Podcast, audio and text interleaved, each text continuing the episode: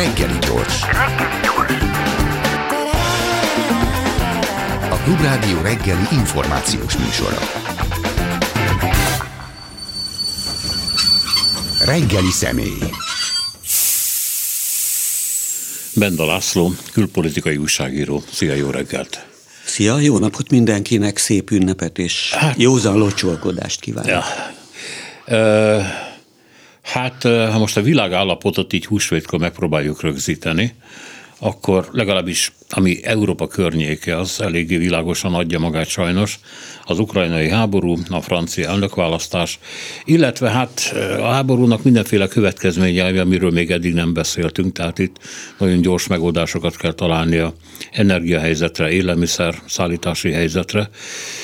És van még egy kérdés, amit most elkezdtek piszkálni, ezt ajánlom majd további figyelmetbe a nemzetközi médiában, hogy tudnélik az a hatalmas egy egység, amit Európa mutat Amerikával együtt. Tehát a nyugat jelenik meg ilyen lángoló tiszta morális fényben az égbolton, a horizonton, az meddig tartható, mert hogy azért az érdekülönbségek eléggé nyilvánvalóak, és a ukrán háború befejezéséhez ennek a, ezeknek az érdekülönbségeknek sok közük lesz. Ez most nagyon talányosan hangzik, de majd kibontjuk. Minden bizonyal így van. Én azt mondtam korábban is, hogy most van egy ilyen átmeneti idő, amikor kegyetlen csetepaték zajlanak azért az orosz-ukrán fronton, de amíg az oroszok átcsoportosítják az erejüket keletre, meg délre, hiszen itt jön most egy, egy nagyon, a viharfelhők nagyon gyülekeznek kelet és dél-ukrajna fölött, és itt egy nagyon nagy összecsapásra lehet számítani okkal-joggal,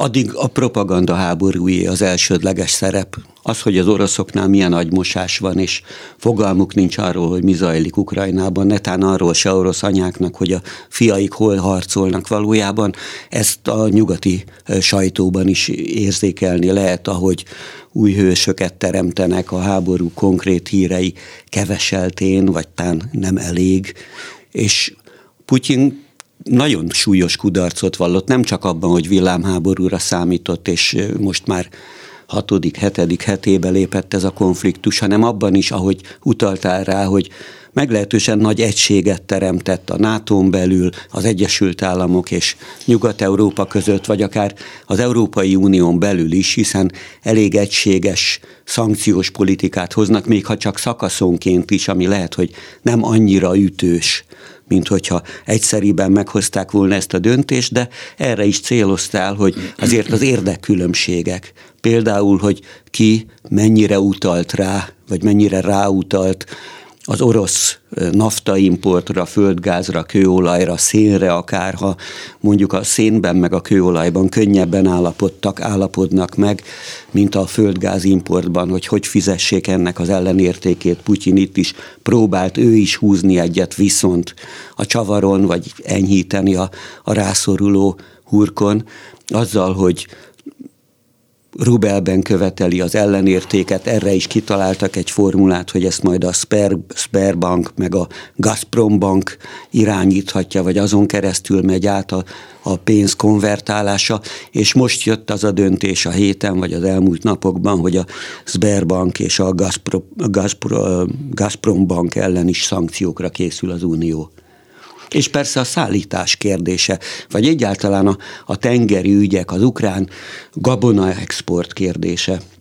Ha belegondolunk abba, hogy Ukrajna és Oroszország együtt a világ gabona exportjának a 40%-át szállítja, és Ukrajna körül annyiban szorul a hurok, hogy a déli tengerektől mind jobban elvágják az Azovi tengertől, teljesen Mariupol, legalábbis a védelme a végnapjait éli, a héten a lettek jelentették be egy, egy odalátogató delegáció képviseletében az elnök, hogy ők segítenek az ukrán gabona exportban a lett kikötőkön keresztül, de hát az elég abszurdul hangzik, hiszen ahhoz Belaruson vagy Oroszországon keresztül kellene szállítani, ami a jelenlegi körülmények között lehetetlen. A lengyelek is ígéretet tettek, abban nyilvánvalóan jóval több ráció van. Igen, hát ezt, igen, ezt tudjuk. A kérdés az, hogy megúszza a világ egy nagyobb belpolitikai robbanások nélkül, ami elsősorban a közel-keletre meg Észak-Afrikára korlátozik, ugye ők a nagyon nagy ukrán gabona, meg, orosz gabona Afrika, vagy Afrika És most Egyiptom bejelentette, hogy Indiából akarnak gabonát venni. Hát ők 70%-át a gabonának külföldről veszik, tehát ott forradalom lesz, hogyha ez elmarad. Én attól tartok, hogy nem csak az úgynevezett vagy régi kategóriával élve harmadik világot sújtja ez, azon túl, hogy persze nyilvánvaló az ukránokat szétbombázzák, az újjáépítés iszonyú költségekbe kerül, hozzáteszem, hogy ma ülésezik, vagy mától ülésezik a Világbank, meg a Nemzetközi Valuta Alap. Legmagasabb fóruma. Kíváncsi vagyok, hogy mennyivel emelik, vagy mennyivel emelhetik az Ukrajnának szánt humanitárius segélyt, újjáépítési segélyt, és így tovább. Megsínyli az orosz gazdaság, hiszen hova exportálja majd azt a fölössé vált gázt, kőolajat, netán szenet, Kína nem elég felvevő piac, tehát az biztos, hogy a harmadik világban lesznek ilyen feszültségek, de még magában Európában is feltételezésem szerint ez áthatja a német politikát, ahol a zöldeknek vagy a jelenlegi koalíciónak visszakoznia kell bizonyos környezetvédelmi, gazdaságfejlesztési terveiből, hogy mégiscsak átmenetileg ám, de ragaszkodnak netán az atomerőművek újra beindításához, és a szénhez visszafordulnak, a szénipar átmenetileg legalábbis akármennyire környezetszennyező nyertese lehet ennek, de még a francia elnökválasztásokat, a francia belpolitikát is áthatja ez a konfliktus, vagy annak a hosszabb távú, közép-hosszú távú gazdasági és politikai kihatásai. Ugye tehát, hogy a nyugat vagy Európa hogyan viseltetik ebben a... Ja, és a mi zsebünkön is meg fogjuk érezni. Krízisben, az nagymértékben függ a francia elnök választástól is, és most úgy tűnik, hogy Löpen nagyon fölértékelik a második fordulóra, mert azért van olyan három-négy pont különbség Macron meg közte, de valamiért nem az öt évvel ezelőtti helyzetet látják a elemzők ebben, hanem egy egy nem kizárható nagy fordulatot, ami egyébként átírja az uniónak a, a viselkedését, hogyha egy Putyin párti ember kerül a elnöki székbe, jó, rendben van, valamennyire idomulnia kell a francia közvéleményhez, de hát ez egy óriási csapás lesz. Ha már elkezdtem azt, hogy Putyin mennyiben tévesztette el az eredeti céljainak az elérését, villámháború, és lásd mióta tart, legalább ilyen érzésem szerint időzítésbeli problémája is akadt, hiszen arra gondolt, hogy az amerikai kormány jelenleg bizonytalan lábakon áll, legalábbis nem olyan határozott, vagy látszólag határozott politikát követ, mint a ki és beszámíthatatlan, vagy ennyiben tám beszámíthatóbb Trump idejébe, hogy a német kormány még, még nem üzemelte be magát. És itt a francia elnökválasztás, ahol ez várható volt, hogy az első fordulóban nem, nem dől el, a második fordulóban minden bizonyal Macron és Le Pen kerül be, tehát egy középúton szinte magára maradt jelenlegi elnök Emmanuel Macron, illetve a szélső jobbról közép felé csúszó Marine Le Pen, és egyértelmű volt, és maradt az is, hogy ő Putyin támogatását élvezhette, és politikai értelemben élvezi is. Pénzügyi értelemben talán csak annyiban Mandinerből, hogy jelenleg egy a magyar miniszterelnökhöz közel álló banktól kapott, az MKB-tól kapott olyan hitel, injekciót, mankót, amivel a kampányát elősegítették. De megtette ezt Löpen asszony is. Én szerintem ez egy riogatás inkább, amiből talán megkönnyebbülés jöhet, hogy Löpen asszony csak ugyan hatalomra juthat, mert írják azt a francia sajtóban is, hogy, hogy ezzel egy, egy francia Trump juthatna hatalomra, de hogyha Löpen asszonynak a törekvéseit nézzük, vagy a, azt a politikai trendet, az mindenképp azt igazolja, amit a kérdésedbe fölvetettél, hogy ez nem az a konfliktus, vagy nem az az összecsapás lesz, mint négy évvel ezelőtt. Amikor Löpent még simán szélső jobboldalinak lehetett bélyegezni, amiből ő nagyon erősen visszatáncolt, szintén nagyon erősen Brüsszellel szemben álló, vagy ahogy ők mondják mostanában, szuverenistának titulálják, Ebből erőteljesen visszavett, Macron pedig elfelejtett kampányolni, ha mondhatom így. Nagyon későn dobta be a kalapját, bár mindenki várta, hogy 20 év után Franciaországban ő lesz az első elnök, akit újra választanak. Én attól nem tartok tőle, hanem abban hiszek, hogy ez meg is fog történni, de ez majd jövő vasárnap, vagy most vasárnap kiderül. Löpen asszony viszont elindult a középutasodás felé, tehát el, már nem akar kilépni az Európai Unióból, de az euróval kapcsolatban, a közös pénzeszközzel kapcsolatban szkeptikus, hogy a nato belül nem fogadja el a közös parancsnokságba való részvételt. Láttunk ilyet már De Gaulle idejében, hogy nem hajlandó, vagy ne, azt ígéri, hogy nem lenne hajlandó francia csapatokat, idegen parancsnokalakat alatt bármilyen fronton bevetni, és nyilván Macron azzal, hogy fölébredt és elkezdett kampányolni, ő is elkezdte magát úgy hirdetni, mint amivel bírálták, hogy ő az elitista elnök jelölt a gazdagok pártjánál, munkás körzetekbe megy el, a nyugdíjreformján enyhített, hogy a különböző foszilis energiák használatából radikálisan visszavesz, és az atomenergiára tesz, mint ma már zöldnek minősített európai energiaforrásra. Tehát egy meglehetősen kiélezett harc van, a legfrissebb kimutatások csak ugyanilyen 4-5 százaléknyi különbséget mutatnak, de ezen az első, első vagy az utolsó hét még meglehetősen sokat akár változtathat is. Igen, csak egy közbeszúrás, hogy persze Macronnak könnyebb megígérni, hogy a fosszilis energiát nem használja, hiszen az atomenergia kapacitása Franciaországnak olyan nagy, hogy gyakorlatilag jó kap földgáz, azt hiszem, hogy Észak-Afrikából valamennyi Főleg Algériából, nem igen. szorul rá az oroszokra.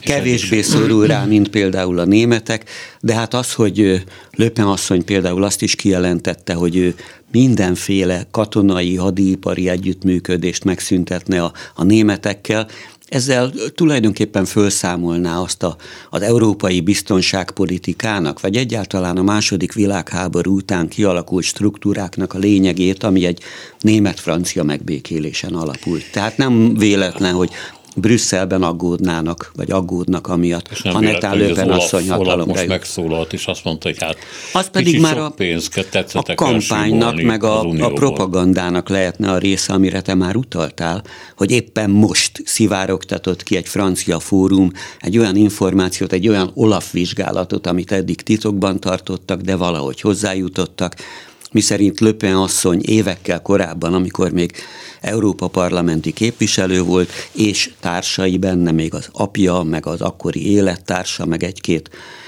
hát hogy mondjam, párttársa, üzlettársa, stb. 600 millió eurónyi csíbolt. Ebből egyébként Löpen asszonyra... 600 ezer?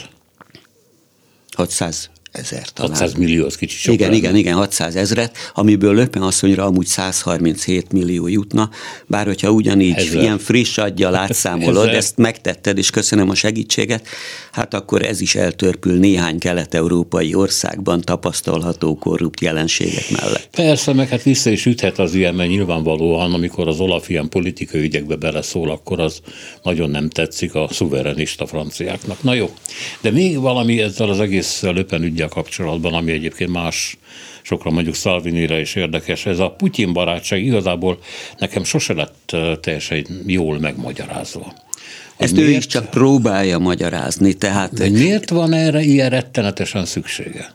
Hát talán azért, mert Putyin, aki nyilvánvalóan éket akart verni mindenféle nyugati egységtörekvésbe, tehát mint egy frissítő támogatójaként lépett föl a korábbi Trump-féle amerikai kormányzat és Nyugat-Európa ellentéteinek, ugyanígy megpróbálja az európai belpolitikákat akár azzal befolyásolni, hogy különböző szélső jobboldali mozgalmakat támogat. Így tette ezt, így tette ezt Salvinival kapcsolatban, így tette ezt Löpen asszonya, nyilván anyagilag elsődlegesen. Nem, úgy értem, hogy a Löpen barátság az a lóvénak szól, vagy pedig Putyin politikájának valami mélyebb szinten, amit én nem értek. Hát, hogyha bárhol válságot tud szítani, kiélezett helyzetet teremt, olyan ellentéteket, mint ami Löpen asszony esetében egy berlini és egy párizsi kormányzat között kialakulhat, ebben Putyin egyértelműen érdekelt. De nyilvánvaló, hogy másútt is támogatott olyan ö, populista, jobboldali törekvéseket. Érdekelt. Azt nem értem, hogy hogy a Löpenék vagy Szalviniék miben érdekeltek a pénzen kívül, vagy a pénz az egyetlen magyarázat? A pénz nagyon jelentős tétel volt, hiszen ahogy mondtam, 17-ben a legfőbb támogatást orosz bankoktól kapta Löpen asszony a kampányához. Akkoriban még teljesen nyíltan és egyértelműen Putyin barát nyilatkozatokat tett. Most az ukrán-orosz háború vagy az Ukrajna ellen indított invázió kapcsán kénytelen volt visszatáncolni, és olyanokat nyilatkozni, hogy hát azért ez a Putyin már nem ugyanaz a Putyin, és kvázi elhatárolódik tőle. De hát az Na teljesen most, triviális, hogy, hogy bármilyen kiélezett Európai Unión belüli ellentétre, vagy akár a az Európai Jó, Unió értem, perifériája. Nem, a Putyint értem persze, az nem, ez nem egy bonyolult dolog. Hát a Vucic támogatása Szerbiában, ez is teljesen nyilvánvaló. Nem a, a nagy szerb eszméket De támogatja azért ott van, Putin. volt egy régi kapcsolat az Hát persze, vallási, kvázi nyelvi, meg én nem tudom, milyen pravoszláv kötődések, és így tovább. De hát ott is a, a viszály szítása, hát ez az egész Nyugat-Balkánon érződik, amit ők tesznek. Azon túlmenőleg, hogy Putyinnak nagyon jó alibie volt a Szerbiából egyoldalúan kiszakadt Koszovó megteremtésének a tény, amit egyébként Oroszország öt Európai Uniós tagországgal egyetemben, meg Kínával egyetemben nem ismer el, azok az országok, amelyek ilyen szeparatista vagy elszakadni vágyó mozgalmaktól félnek, vagy ezzel alibiznek a saját propagandájukban. Putyin meg megteremti ezeket a birodalom helyreállítására tett lépéseit most Ukrajnában, de elsőként már 91-92-ben megtette Moldovában, azzal, hogy leszakította róla, vagy megteremtett egy nem létező nyesztermenti moldáviai köztársaságot, megtette ezt Grúziában 2008-ban, bekóstolta Kazaksztán most, és közben 14-ben a krímet vissza kobozta, úgymond, és elkezdte a kelet-ukrajnai támadásait a szeparatista területek támogatásával. Ha, és ne adj Isten, Löpen győzne a második fordulóban, ne akkor mi Isten. lenne? Tessék? Ne adj Isten. Ne adj Isten. Akkor, és miközben azt mondod, hogy ennek a sikernek az a feltétele, de ennek eleget is tesz löpen valamennyire, amikor széljobbról valami megpróbál középre vickélni egy picit, hogy ebben az esetben nem lehetne egy nagy támogatója Orbánnak, aki ugye szélsőjobboldali koalíciót próbál létrehozni már évek óta Európában, de nem pillanat, pillanat nem sikerül neki. Ez a löpenféle elnökség segítene? Én attól tartok, hogy igen, attól tartok, de mindegy. Tehát Orbán Viktornak volt számos olyan külpolitikai megnyilatkozása, ami, hadd fogalmazok diplomatikusan, nem volt szerencsés. A Brüsszel elleni bírálatok, így, és így tovább, és így tovább. Volt két olyan megérzése, ami viszont legalábbis átmenetileg sikernek tetszett. Az egyik ilyen volt, hogy a, az előző amerikai elnök választáson jó előre Trumpra tett, a másik, ez a kísérlete lehetne Löpen asszony támogatásával. Ugyanakkor nagyon úgy néz ki, hogy ez a szélső jobboldali pártszövetség, amit korábban arra spekuláltak, hogy lengyelek, magyarok, Salviniék, Löpenjék, spanyol, portugál, szélső jobboldal, és még jó néhány AFD, netán, de az azért kritikusabb Németországban, ez a szélső jobboldali párt, ami valamelyest visszaszorult. De ez az orosz-ukrán háború ezt is fölforgatta, azzal, hogy a korábban is ezen a pártszövetségen, vagy potenciális pártszövetségen belüli ellentéteket kiélezte.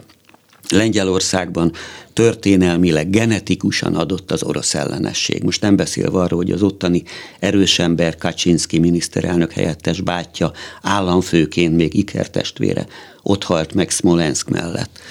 Tehát az orosz ellenesség vagy az orosz barátság, ez egy olyan hasadék ezen a szélső jobboldali szövetségen belül, amit mindez idáig nem tudtak áthidalni. Na most Franciaországban pedig teljesen egyértelmű most részint a populizmuson, részint a népszerű szlogeneken, részint a, a választókat hozó ígéreteken dől el minden itt a következő hat nap, öt-hat nap alatt, és nyilván próbálnak ennek meg eleget tenni. Na most ott a választások első körében 12 jelölt volt, és még a harmadik jelölt, ez a Jean-Luc Mélenchon nevű baloldali, szélső baloldalinak titulálják, jelölt is nyakára nőtt erősen löpennek, és most az ő általa megszerzett szavazatokért is folyik a derbi, folyik a harc, aki teljesen nyilvánvalóan szakszervezeti és egyéb nyomásra baloldali érdekeket képvisel, minimálbéremelést, nyugdíjemelést, egyebeket követelne. Nagy kérdés, hogy az a szavazó réteg kire voksol majd. Egyelőre a közvélemény kimutatások azt mutatják, hogy a jelentős részük makróra fog szavazni, egy jóval kisebb fele, akkor a rész az, aki löpenre lenne hajlandó leadni a voksát, de hát körülbelül a felük még vagy bizonytalan, vagy inkább nem megy el, egy erősen jobboldali és egy elitista úgymond jelölt között választani. Mikor lesz a második forduló? Jövő vasárnap. Jövő Most vasárnap, Most vasárnap, igen, igen, igen. 24-én. Két hetes, két hetes Ugyanúgy, mint a legtöbb helyen, azt ki lehetett számítani, hogy az első fordulóba ennyi jelölt között senki nem nyerhet 50 ot Az volt csak a kérdés, hogy ki jut a második fordulóba. Itt ez a Mélenchon nevű baloldali jelölt erősen följött, de nem veszélyeztette végül Löpen asszony indulását és most az ő hívei közül bizonyára sokan vagy az orrukat befogva mennek el szavazni, vagy nem. Most térjünk át egy számodra kedves szereplőre, Kínára, mert ugye ebben az egész történetben nagy szerepe van, annak ellenére, hogy Kína egyébként némán szinte rejtekezve csinálja végig az ukrajnai háború különféle stációit. Nem igen szólal meg, de vannak lépései, amik azért mutatnak valamiféle irányt, ugye egy nemzetközi banknak a kivonása Oroszországból, ami elég sok befektetést ígért, vagy annak a limitálása, hogy mennyi gáz, szenet, vagy éppen kőolajat tud átvenni az oroszoktól, és ez ügyben ugye azért versenyezteti is a közel-keleti olajforrásait az oroszokkal, tehát ő nem akar magas áron, hanem éppen egy olcsón vásárolni tőlük. Az oroszok néha azt mondják, hogy mindegy csak el tudjuk adni, aztán kiderül, hogy az az ár, amit ajánlanak, az szintén nem nagyon alacsony. Na mindegy. De azért nem hajlandó Oroszországot eltolni magától, és nem hajlandó figyelni azokra az amerikai figyelmeztetésekre, hogy ne nyújtson támogatást Moszkvának semmiképpen. Szóval kivárás ez az, amit Kína játszik? A kínaiak nagyszerűen értenek a kettős beszédhez. Ők nem foglalnak állást idézőjelben, vagy formálisan tesznek ilyeneket, hiszen nem sokkal a háború kirobbanása előtt jártott ritka vendégként, mármint hogy a, az olimpia megnyitásán kevesen vettek részt érthető módon, és Putyin ott járt, és határtalan barátságról tárgyalt, és még a dokumentumban is benne volt Xi Jinping kínai elnök pártfőtitkárral, de a kínaiaknak nagyon komoly gazdasági érdekeltségeik, pénzügyi érdekeltségeik voltak és lesznek feltételezésem szerint Ukrajnában is. Hogyha ők kivárnak, meglátják, hogy a fejlemények hogyan áradnak feléjük, van egy olyan mondás, kínai mondástán, hogy, hogy szeretem a hegytetőről nézni a tigrisek harcát a völgyben kínaiakat nyomasztották már korábban is a különböző nyugati gazdasági intézkedések, szankciók, a Trump által meghirdetett és némi leegyszerűsítéssel kereskedelmi vagy vámháborúnak titulált folyamat. Most éppen nyomasztja őket nagyon erősen, hogy föllángolt a Covid járvány, a legnagyobb pénzügyi erőközpontjukat, Sankhájt le kellett zárni. Tehát jó okuk van arra, hogy kivárjanak, mert nagy valószínűséggel ezen a háborún és mindenki azt szokta mondani, hogy a folyékony, a cseppfolyósított földgáz exportőrök nyernek majd a legnagyobbat. Én azt hiszem, hogy Kína is nyerhet. És ami nagyon lényeges utalás a kérdésedre, nagyon erősen megváltoztak a szovjet-kínai vagy azóta orosz-kínai erőviszonyok. Amíg Stalin még diktálhatott a frissiben kikiáltott kommunista hatalom főnökének Mao Zedongnak, addig ő volt az erős, a nagy testvér. Időközben fordult a kocka. Oroszország nagyhatalom ugyan katonai téren, de egy gazdasági törpe. Kína viszont óriási fejlődésen ment keresztül, mellesleg katonailag is, de mindenek előtt gazdaságilag a világ minimum második hatalmává nőtte ki magát. És nem csak gagyit termel, hanem a legkorszerűbb dolgokat is, amit például exportálhat, vagy exportálhatna Oroszországnak az onnan kapott naftáért, nyersanyagokért, egyebekért cserébe, bár nem tud annyi gázt meg olajat átvenni, mint amennyi fölöslegesé válhat Oroszországnak. Aki De már kapacitás is hiány van. Igen. Hiány van, hát nincs meg a csővezeték, állítólag két év múlva meg lesz a második csővezeték, de akkor is kevesebb. És most már, ahogy utaltál rá, most már például ártárgyalásokon, hogy mennyiért veszik majd meg azt az emelt mennyiségű földgázt vagy kőolajat, teljesen egyértelműen Kína jelenti a nagy testvért a két fél kapcsolatában mármint az orosz-kínai viszonylatban. És mi a helyzet azzal az együttműködéssel, amit ők kitaláltak, egyébként félig meddig Indiát is bevonva, amelyik ugye, Ez akiről nyugodtan megírhatta volna Adi Endre, hogy a két part között ingázik, ugye Amerika és Kína között. Most még oda. inkább érződik Igen. ez, tehát India se foglal állást nyíltan. Igen, miközben... nem, nem, nem ezt akarom mondani. Tehát, hogy ez az indiai, kínai, orosz gazdasági együttműködési övezet, ami gyakorlatilag ilyen válasznak szántak volna, és hogy a, a dollár uralmának a letörésére is szolgált volna, ezzel most mi van? BRICS betűneiben szerepel, hiszen hát a BRICS-ben benne van Brazília, Dél-Afrika is, nem, illetve nem, nem, az általad említett három ország. Gondolok. Hát ez mindenek előtt Oroszországot meg, meg Kínát érintheti, tekintettel arra, hogy a, a Rubel kapcsán milyen forrongás van a világgazdaságban, hogy rubelben kéri most a, a nafta, meg egyéb szállítmányok ellenértékét. Itt nagyon lényeges az, amit, amire céloztál, hogy Hát a kínaiak erősen törekednek arra, miképpen különböző nemzetközi szervezeteket hoznak létre, a saját maguk úgymond valuta alapját, beruházási bankját létrehozták ezt az egy út, gazdaságfejlesztési térséget, ahol Közép-Ázsiában például nagyon élesen rivalizálnak az oroszokkal, hogy átálljanak minél inkább a dollár elszámolásról, vagy barterüzletek kötésére, vagy yuanban számoljanak el. Ez egy nagyon lényeges fejleménye lehet a világgazdaságnak az elkövetkezendőkben. De a, a rubel a szóba se került egy ilyen nemzetközi elszámolási alapként. A legjobb tudomásom szerint nem véletlen, hogy Oroszország a vele ellenséges magatartást tanúsító országokkal szemben tette kötelezővé a rubel elszámolást, ott pedig nagyon komoly üzletek már yuanban köttetnek. Vannak ilyen halványnak tűnő, de mégis létezőnek látszó amerikai törekvések, hogy kezdjünk el Kínával egy picit barátkozni, hogy leszakítsuk őket az oroszokról. Ez egy régi Kissingeri taktika, ugye ez talán 70-es évek, amikor... 70-es évek eleje volt a pingpong diplomácia. az amerikai elnököt rávette Kissinger, hogy látogassanak el Mao Kínájába, és gyakorlatilag be tudott nekik ígérni olyat, ugye ENSZ, BT tagságot, stb., amivel Mao azt mondta, hogy oké, okay, és Moszkvának volt is mitől megijednie, mert Kína valóban minden szállat eltépett vele. Ilyen fordulatra azért nem lehet számítani, de valami eredményre lehet-e? Úgy érzem, hogy ha már itt történelmi sikra tereltem én a szót, hogy hogy alakult Stalin-Mao barátságától a Putyin-Xi Jinpingi kapcsolatrendszerig a történelem, itt is azért voltak fordulatok. Az egyik jelentős fordulat csak ugyanaz volt, hogy Kissinger titokba Kínába látogatott, pingpong diplomácia ürügyén előkészítette Nixon útját, hiszen akkor a, a nagyhatalmi háromszög és Kissinger a maga Bismarcktól, Metternichtől megörökölt gondolat körében ebben gondolkozott. Oroszország és Kína, vagy a Szovjetunió és Kína között akkor nagyon megromlott a kapcsolat. Még aprócska határkonfliktusaik voltak a távol-keleten, az Uszuri folyó mentén, és Kissinger azt mondta, hogy ebben a háromszögben, hogyha most Kínát megerősítjük és a kapcsolatépítésben segítjük, akkor Oroszországgal szembefordíthatjuk.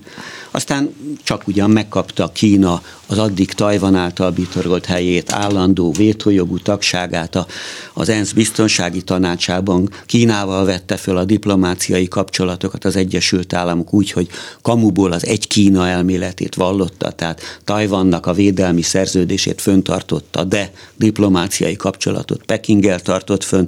Aztán volt az a fordulat, amikor Trump a Kína ellen meghirdetett úgymond kereskedelmi háborújában erősítette az orosz kapcsolatot. Tehát mint egy visszájára fordította ezt a trendet, de most kivált kép az oroszok által indított invázió után, ez megint teljesen cseppfolyósá vált. Hozzáteszem azt, hogy az amerikai stratégák, külpolitikai doktrinák kidolgozói teljes egyértelműséggel Kínát nevezik meg fő riválisnak, hanem ellenségnek. Mármint az Egyesült Államok Az számára. Egyesült Államokban már csak azért is, mert azért még a, a mostani közel, közvetlen közelünkben dúló háború mellett is vannak olyan surlódási pontok, például Tajvan sorsa, kínaiak nagyon figyelték kezdetektől fogva az ukrán háborút, hogy hogy reagál az orosz invázióra a nyugati fél, hiszen esetleg ugyanerre készülhetnek majd Tajvannal szemben. Ott van a dél-kínai tenger kérdése, amit Kína magának vindikál egy csomó térségbeli országgal szemben, főleg azért, hogy kiszorítsa onnan az amerikai haditengerészetet. Ott van a különböző stratégiai egyezmények ügye, hiszen az amerikaiak most, mint a hidegháború elején újabb ilyen stratégiai láncot építenének ki, létrehozzák azt a a Quad nevű négyes szövetséget India, Ausztrália és Japán bevonásával, amihez esetleg későbbiekben csatlakozhatnak még más nyugatbarát kormányzatok, mondjuk Dél-Koreára gondolok, és közben az amerikaiak, a britek meg az ausztrálok egy olyan haditengerészeti vagy atommeghajtású föl tenger alatt járó szerződést is kötöttek, ami szintén eléggé egyértelműen Kínára irányul. Tehát ez a stratégiai játszma, ez elég intenzíven folytatódik a háttérben. És ez szempontból csak ugyan érdekes, amit Indiára mondtál, amelyik szintén ilyen ambivalens álláspontot mutat az orosz-ukrán háborúban, nem szívesen foglal állást, bár egyre szorosabbra szövi a kapcsolatait az Egyesült Államokkal, de közben elég komoly fegyvervásárlásokat eszközöl Oroszországtól. Igen, hát kicsit Szaudarábia is ezt játszott, tessék? Kusza a világ. Hát Szaudarábia ez hagyományos dolog, hogy az Egyesült Államok egyik legfőbb szövetségese volt a közel-keleten Izrael mellett, és elnézték neki azokat a finoman fogalmazva emberjogi kihágásokat. Ami, nem, nem, hogy ami komolyan orosz fegyvereket is vesz. És a törökök is természetesen, amelyek amúgy a NATO-nak a ősrégi tagjai és a NATO második legnagyobb hadseregével rendelkeznek. Mit mutat ez a háború Amerikával kapcsolatban, az amerikai szerepvállalással kapcsolatban? Hát részint azt mutatja, hogy nem emlékez back, hogy talán Biden mondta egyszer, valóban visszatérés a nemzetközi porondra, pont egy háborúba, visszatérés Európába, az Európai Egységbe, egy szorosabb kapcsolatrendszerbe, aminek Azért katonai vonatkozásain túl ügyleteket nem látunk, tehát a transatlanti szerződés egy más ilyen korábbi tervek nem valósulnak meg azért, tehát a nagy barátkozás korszakának ennek ellenére vége van. De mégis ott van, jelen van, a legkeményebben támogatja Ukrajnát, gyakorlatilag ő tartja össze a nyugatot, és hát sokak haragját ezzel magára is honva, hogy tulajdonképpen mondják ironikusan a legutolsó ukránig fog harcolni Amerika Oroszország ellen, arra utalva, hogy ez, ez bizony csak egy proxy háború. Hát proxy háborúnak mondják az orosz barát elemzők, de egy proxy háborút két megbízott vív hogyha most tét, feltételezzük azt, hogy Amerika az utolsó ukránik harcol, Oroszország nem megbizottak a harcol, hanem ő maga, és ne felejtsük el, hogy ebben a háborúban teljesen egyértelműen az oroszok a támadó fél, az ukránok a szenvedő alanyai. A kérdésedre visszanyúlva, az Egyesült Államok és az Európai Unió kapcsolatai módosulásokon esnek át, és akkor megint az orosz barát propaganda azt nyomná, hogy persze az egész háború azért robbant ki amerikai ö, sugallatra, mert el akarják adni a cseppfolyósított földgázukat, de ennek vannak alternatív forrásai, Norvégiától Katarig. Tehát biztos, hogy többet fognak vásárolni, kiváltképp, ha meg lesz hozzá a kapacitás, mert ez például Németországot meglehetősen váratlanul érte, akármilyen meglepően is hangzik, hogy a kikötőkbe érkező cseppfolyósított földgázt le kell fejni, és ennek a kapacitását nem építették ki. Ez az Európai Unió, aminek az egységét azért korán sem támogatják annyira az amerikaiak, mint sokan gondolnák. Más kérdés a NATO, ami egyértelműen amerikai irányítás alatt álló katonai, nevezzük védelmi szervezetnek, és itt bekövetkezett egy, egy nagyon érdekes fordulat, és Putyin orra alá igen komoly mennyiségű borsot törnek azzal, hogy két hagyományosan semleges északi ország, Finnország és Svédország is bejelentette, hogy erősen megfontolja a NATO csatlakozást, amire az amerikaiak boldogan rögtön reflektáltak, hogy akár még a nyáron megtörténhet ez. Hozzáteszem, hogy Finnország és Svédország esetek annyiban tér el a további semleges vagy hagyományosan semleges országokétól, például Ausztriáétól vagy Svájcétól, hogy azokét nemzetközi szervezetek garantálták a semlegességét. Finnország és Svédország esete más. És az is egyértelmű volt, hogy miközben az Európai Unióban nagyon magas igényküszöböt jelentettek be, hogy milyen kritériumoknak kell megfelelni a tagsághoz. Hát ezzel szenvedett egy csomó kelet-európai ország is, és most néhány nyugat-balkáni, vagy éppen Ukrajna, vagy Grúzia. Én azt hiszem középtávon sincs esélyük, hogy az Európai Unióba belépjenek. A NATO-nak az inger küszöbét sokkal alacsonyabbra helyezték. Tehát NATO tag már Albánia, Észak-Macedónia, Montenegro, és így tovább folytathatnám a sort. És egy másik dolog, ami nagyon pikáns, és nagyon nagy különbséget vág a, a posztszovjet államokon belül is, és a NATO-n belül is, hogy a NATO-nak van az alapszerződésében egy olyan ötödik pont, ami kollektív védelmet ír elő.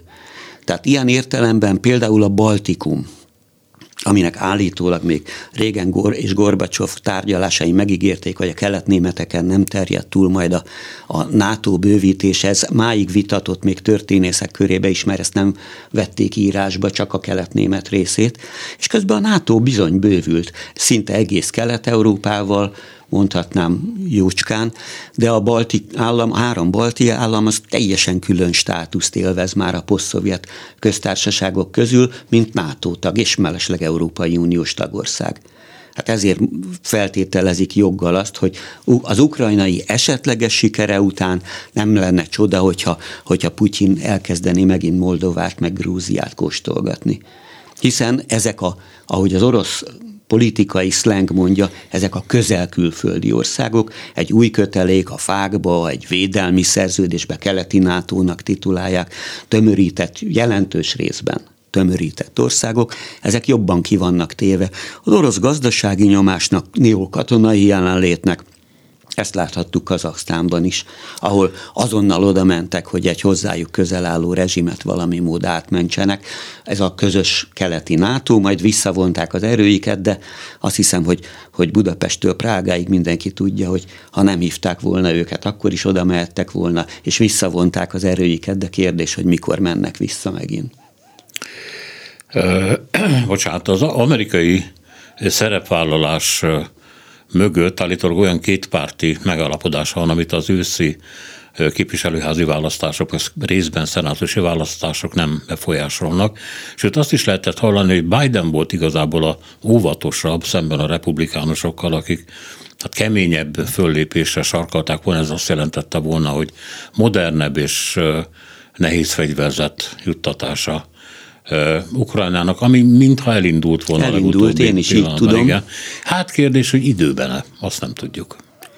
Ugyanakkor meglehetősen sok szakértő, magam nem sorolom hozzájuk, aki ért a katonai stratégiai kérdésekhez, hittel állítja azt, hogy Ukrajna ma a világon egyik legjobban felfegyverzett országa, hiszen Amerikából, és nem csak Amerikából bőséggel érkeznek oda a fegyverek. Hát tudnék olyan NATO hát tagországot mondani. Ugye lövik szét a raktáraikat. És nyilvánvaló, hogy a folyamatos utánpótlásról gondoskodni kell. Ebből a szempontból is egy, egy nagy próbatétel lesz ez a, a, a kelet-ukrajnai háború, ami nem csak a, a Donbassra, a Donetsz medencére összpontosul majd, hanem ahogy látjuk Mariupol ostrománál mondjuk a kievi bombázásokat és herszoni támadásokat nem ebbe sorolnám, azok inkább csak figyelmeztetéseket jelentenek, vagy az ukrán erők más pontokon való lekötését, de itt nagyon komoly hagyományos értelemben is vett bizonyos fokig a második világháborúra hajazó konfliktusra készülnek. Szóval, hogy ez a támogatása Ukrajnának ez megmarad akkor is, hogyha a demokraták érzékeny veszteségeket szenvednek. Te is úgy tudod, ugye? Én is így van sejtem, egy fordulat is de ebben. hozzáteszem, hogy azért nagyon egyöntetűen nyilatkoztál az amerikai republikánus pártról, azon túlmenőleg, hogy egységesen törekszik arra, hogy a demokrata többséget megtörje az amerikai kongresszusban, pontosabban a szenátusban is, vagy az, ott, ott van több esélye erre, de ugyanakkor ez a republikánus párt nagyon nem, esély, nem egy egyivású vagy egynézetű, hiszen a trumpisták megint erőre kaptak, még mindig zajlanak. Persze az amerikai belpolitika csúcspontján a Trump és családja és üzletfelei és korábbi dolgai, meg a, a kongresszus elleni támadás miatti vizsgálódások ügyei, és van egy ha fogalmazhatok így józanabb, vagy a dolgokat reálisabban megköz, megközelítő szárnya a republikánus pártnak, tehát ott sem lehet feketén-fehéren nézni a dolgokat. Ha most a nagyon negatív előrejelzésekre figyelünk, és hát ma reggel Kis Benedek József nemzetbiztonsági szakértés azt mondta, hogy hát igen, olyan orosz túlsúly alakul ki most a, az ukrán, a maradék ukrán erőkkel szemben, amiket tehát nem biztos, hogy a nyugati fegyvervásárlások, szállítások ellensúlyozni tudnak, akkor a háborúnak viszonylag gyorsan vége lehet, és hát sajnos ez a lehető legrosszabbat hozza Ukrajnának, ugye a déli és a keleti országrész vesztését.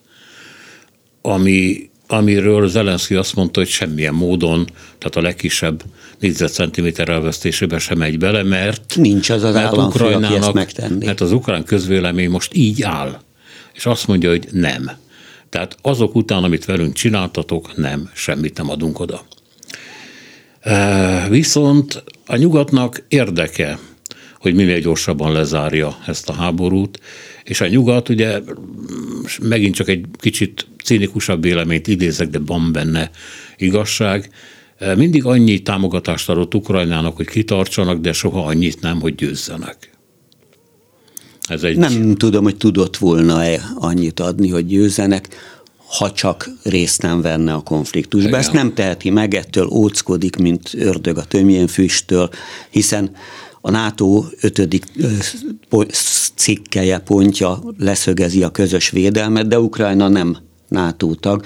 Már Zelenszky se beszél arról, hogy, hogy előbb-utóbb kérni a tagságát, hanem elébe menne a, a semlegesség meghirdetésével, vagy ennek a kérdésnek a félretételével. Hozzáteszem egyébként, hogy emberfia, nincs olyan államfő vagy kormányfő, aki bármikor is úgy nyilatkozna, hogy egy négyzetcentiméterét föladja a szuverén területnek. Tehát maga Stálin mondta annak idején, tán Tuva kapcsán, ami egy jelentéktelen terület a Szovjetunión belül Mongóliával határosan, hogy szó nincs arról, hogy az Mongóliához kerüljön, az a szovjet birodalom része lesz, csak úgy, mint a Kurili szigetek, ami miatt Japánnal még mindig nem kötöttek békeszerződést, mert hogyha, ahogy Stálintól idézik, egy szálat kihúzol a pulóverből, az már nem pulóver többé. Na most némileg igazolva látom azt, amit a kezdet-kezdetén mondtam, hogy ez az orosz támadás, ez inkább a, a Donetsz medencei szeparatista erők önállósítására, vagy arra irányul, hogy azt a két megyét teljes mértékben a magukévá tegyék, hiszen addig csak egyharmadát, 40 százalékát ellenőrizték. De figyelni kell Harkovra és Mariupolra. Sajnálatos módon ez a keserű jóslat bevált, mert Harkov volt, ami Ukrajna második legnagyobb városa, egy hadipari központ, továbbra is erősen ostromolják, vagy ostromgyűrűbe tartják, vagy próbálják teljesen körbevenni. Mariupol védői a végnapjaikat élik, de az csak ugyan egy nagyon komoly fejlemény, hogy miközben Kiev és az észak-ukrán területekről visszavonták az erőiket. Én azt hiszem, hogy ez egy ilyen taktikai akció volt, amiből később engedhetnek, gondolhatták tám Putyin stratégia, stratégái, de az, hogy, hogy a déli karéjban elzárják Ukrajnát a tengeri kiáratoktól, ez egy, egy nagyon fontos előrelépés a putyini tekintetben. Márpedig az Azovi tengertől már elzárták, a Fekete tengert is idézőjelben blokkád alá vették, és olykor Odessa a legnagyobb, harmadik legnagyobb város és legnagyobb fekete tengeri kikötőjük ellen is támadásokat intézgetnek. Ez egy, egy nagyon fontos akciósorozata volt ennek az ukrán Értem, háborúnak de sajnos. ugye az a lényeg, hogyha ezt az oroszok megszerzik és leállítják a támadásokat, akkor az milyen béke lesz, és mit csinál a nyugat? Ez Zelenszky erre azt mondja, hogy ez nem lesz béke. Ez teljesen egyértelmű, de már mindkét fél utalt. Putyin is utalt rá nyilatkozataiban, meg Zelenszky is, hogy hogy a, a béke az egyre távolabb kerül. De hogyha belegondolunk abba, hogy milyen alapfeltételekkel indult a két fél a különböző tárgyalásokra, amit először Belarusban tartottak, aztán Törökországban, aztán az interneten keresztül, hát teljesen nyilvánvaló volt. Az ukránok nem óhajtanak egy négyzetcentiméterről sem lemondani. Nem, hogy a Krímről, vagy a Donbass területén a megyék töredékéről sem. És azóta csak szaporodtak ezek a régiók. Az oroszoknak el kell bizonyos célokat érniük, amit Putyin megígért, és vannak olyan hírek, ezt nem jelentette be soha semmilyen hivatalos orosz forrás, hogy a, ott tartott győzelem napján, május 9-én, azért mondom, hogy ott tartott, mert Európa szerte május 8-án ünneplik, de a szovjet birodalom május 9-én értesült erről a, az örömteli hírről, a második világháború befejezéséről, hogy akkor hatalmas hadgyakorlattal szeretné megünnepeltetni önmagát és az ukrajnai, ahogy ők mondják, különleges hadművelet sikerét.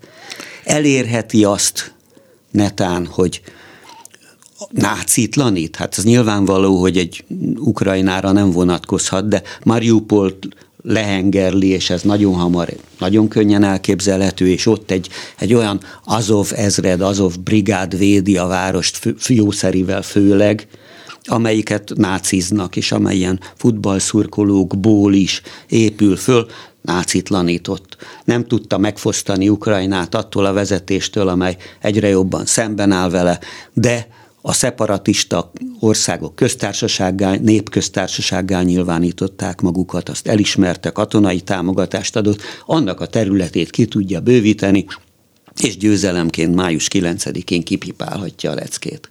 Tehát miközben belebukott ebbe a konfliktusba, ezt nem fogja érzékelni az orosz közvélemény. Viszont nem lesz olyan áttörés, ami arra utalna, amire céloztál, hogy a, a világ a konfliktus megszűnte után, vagy legalábbis átmeneti csillapottával megkönnyebbülhet, mert a Putyinra nézvést nagyon lesújtó szankciós politika, a különböző gazdasági folyamányai fönnmaradnak ennek a konfliktusnak.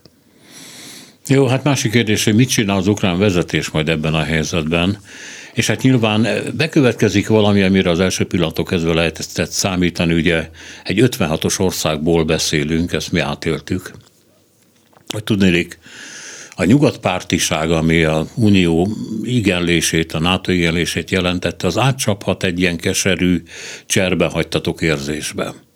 Ami nem lesz egészen indokol, de érthető a részükről, mert a nyugat nagyon sok mindent nyújtott nekik.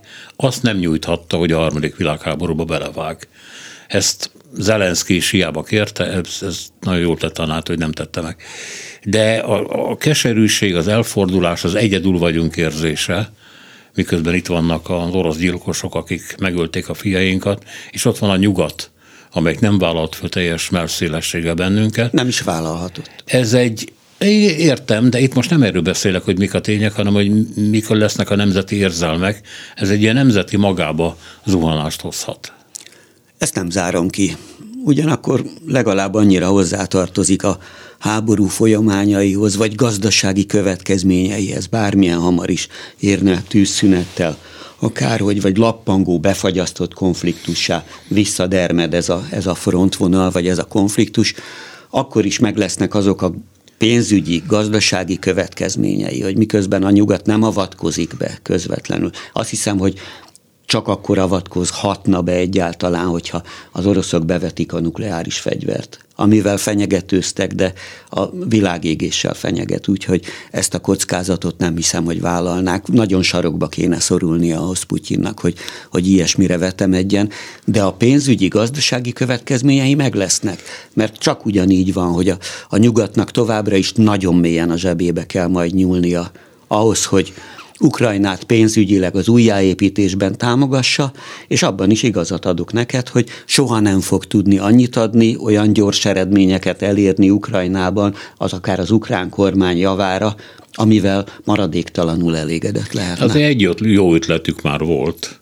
Mondjuk erre én is gondoltam már korábban csak én ezt nem szűkítettem volna le erre. Tudnélik, az orosz nemzeti bank külföldön zárolt vagyona, hogy azt nyugodtan oda lehet adni az ukránoknak, hogy tessék ebből újra építkezni. Én magam részéről csak persze, hát ugye kik vagyunk mi, eladnám a, a zárolt, külföldön zárolt orosz vagyonokat, és abból is a ukrán helyreállítást, újjáépítést finanszíroznám. Ez könnyen elképzelhető. Ahogy az Orosz Nemzeti Bank kinti devizatartalékait zárolták, megtették ezt egyébként korábban már más országokkal is, Irántól, Afganisztánig. Tehát az, hogy ezt most megpróbálják egy ilyen nemes humanitárius gesztussal, de meglehetősen öntörvényűen átcsoportosítani Ukrajna javára, ezt mondhatnám, hogy ez egy szép gesztus, biztos, hogy nem elegendő.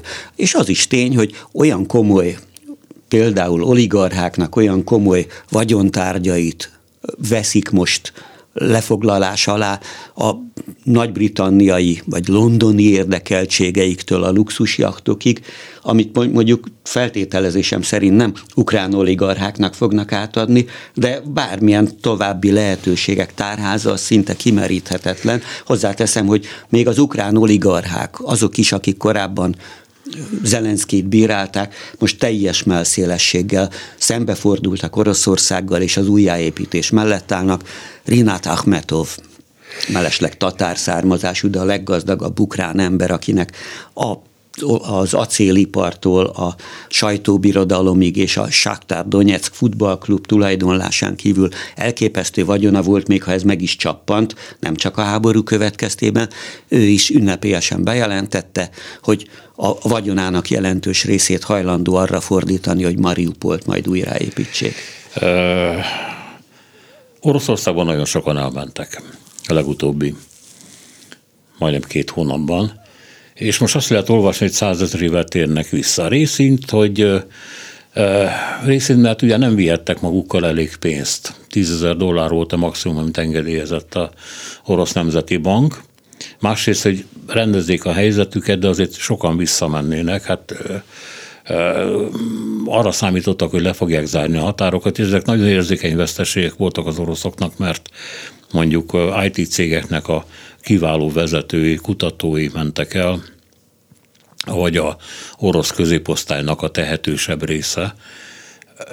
És hát ez... Ez Kelet-Európa más országaira is jellemző, hogy a fiatal, tetterős igen, vállalkozásra igen. készek, igen, de oda sokan egy, menekülnek. Egy háború elől mennek el. Na szóval, hogy jönnek vissza. A másik, amit ugye rettegve látnak, hogy a Putyin népi támogatása töretlen sőt nagyon magas. Tehát arra számítani, hogy itt pár éven belül hatalmi változások lesznek, ez gyermetek gondolat ennek tudatában. Én is így hiszem.